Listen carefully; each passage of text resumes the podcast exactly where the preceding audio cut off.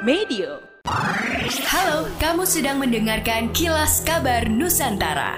Podcast persembahan KG Radio Network menyajikan berita harian yang mengangkat keunikan dari berbagai wilayah Indonesia. Kilas Kabar Nusantara dapat juga didukung oleh pengiklan loh.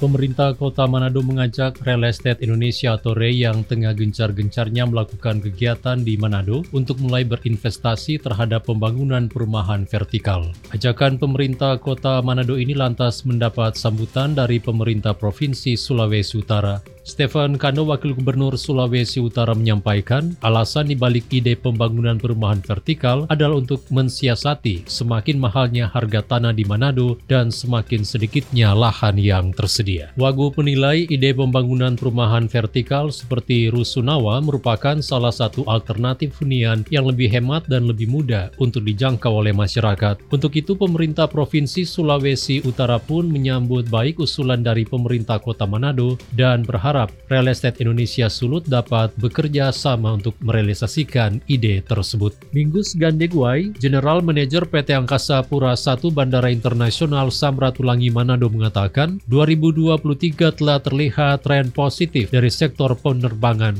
Minggus mengatakan hingga pertengahan tahun 2023 capaian penerbangan telah mencapai sekitar 70% bila dibandingkan dengan kondisi tahun 2019 sebelum adanya pandemi COVID-19. Minggus mengatakan tren positif ini menjadi penanda baik bagi Sulawesi Utara sehingga dia berharap kondisi ini akan terus bergerak membaik dan memberikan dampak bagi daerah. Pemerintah Kota Batu bersama DPRD Kota Batu menyepakati rancangan peraturan daerah atau Raperda tentang penyelenggaraan kearsipan di Kota Batu. Raperda ini sendiri disepakati karena bagian penting dalam era globalisasi. Hal tersebut disepakati dalam sidang paripurna DPRD Kota Batu di Rupatama kantor DPRD Kota Batu pada hari Rabu 6 September kemarin.